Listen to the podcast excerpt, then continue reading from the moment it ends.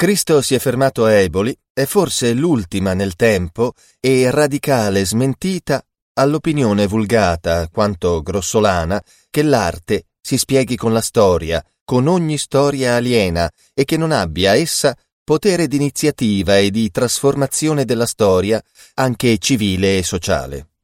Quando è arte, si intende, e non contingente letteratura come accompagnamento o come sostituto. Subito dopo la comparsa a stampa del libro nel 1945, Eugenio Montale coglieva nelle sue fibre, nell'evocazione e contemplazione di un tempo lontano e quasi immobile e di un'umanità arresa, irredimibile e senza attesa, piegata dal sole induttile tra i sassi e le crete dell'aspro cuore della Lucania, il messaggio più scotente, e il saggio finale sulla civiltà contadina, sul problema meridionale e sulle autonomie, sostrato intellettuale e morale della narrazione, gli appariva come un naturale spostamento di fuoco da parte di una personalità complessa e coerente di Faust modernissimo.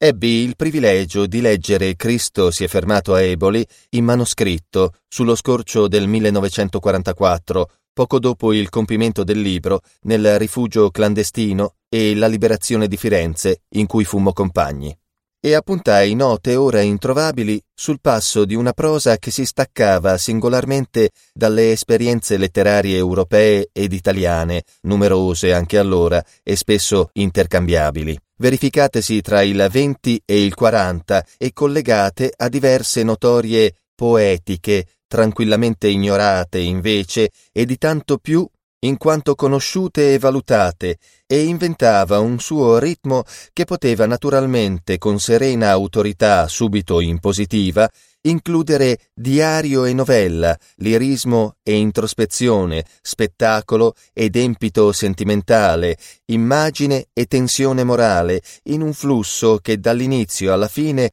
scorreva come un torrente, con la stessa acqua capace di moltiplicarsi in movenze e forme infinite. L'orchestra, il registro di questa prosa che ha dato un unicum alla letteratura italiana, non provenivano, come era ed è tanto solito, da una coscienza di letterato, non avevano taccia di professionismo o di obbligate relazioni con un mondo a suo modo chiuso o speciale, anch'esso, ne erano anzi, in un certo senso, un'antitesi. In una situazione difficile e contrastata, scoppiò nel 45 la bomba del Cristo si è fermato a Eboli.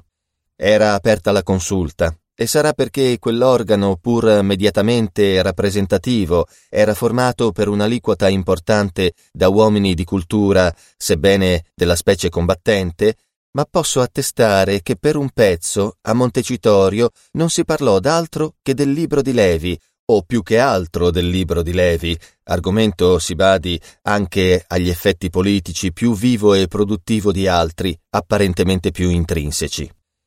Penso senza ironia che sarebbe del resto un bel segno d'avanzamento una discussione parlamentare fondata sul messaggio umano di un libro di poesia o di un'opera d'arte,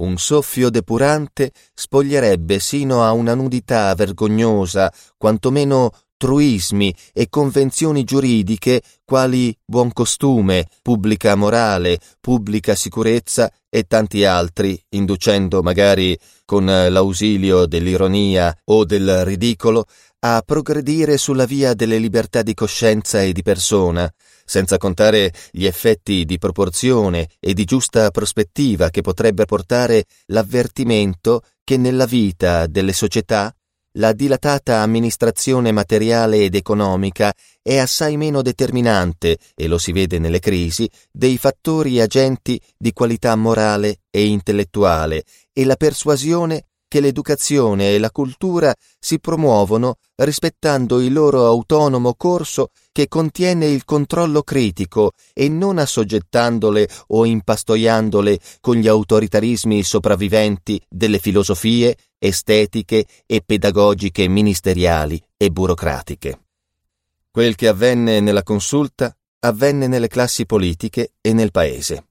Il libro fu letto avidamente non solo, ma anche se non inteso appieno nella sua sostanza poetica, fece passare dall'impulso vitale di questa, nelle coscienze, l'assillo di un problema che dai termini ideologici, politici, economici, giuridici e statistici accessibili a pochi, si concretava in situazioni e in figure indimenticabili e irrecusabili. Gli occhi immobili e in difesa delle plebi del mezzogiorno seguivano accusatori o semplicemente presenti per ogni dove,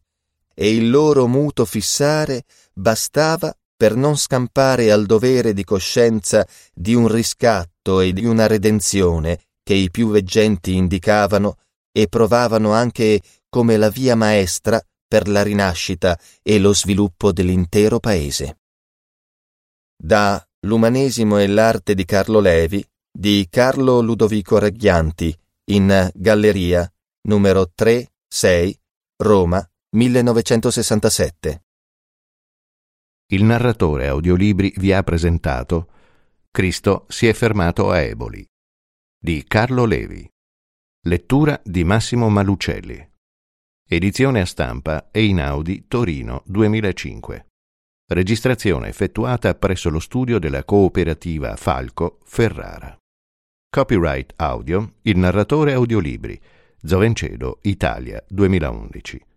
Salvo autorizzazione sono vietati la duplicazione e l'utilizzo di quest'opera per la pubblica esecuzione e la radiodiffusione. Ogni trasgressione sarà perseguita ai termini di legge.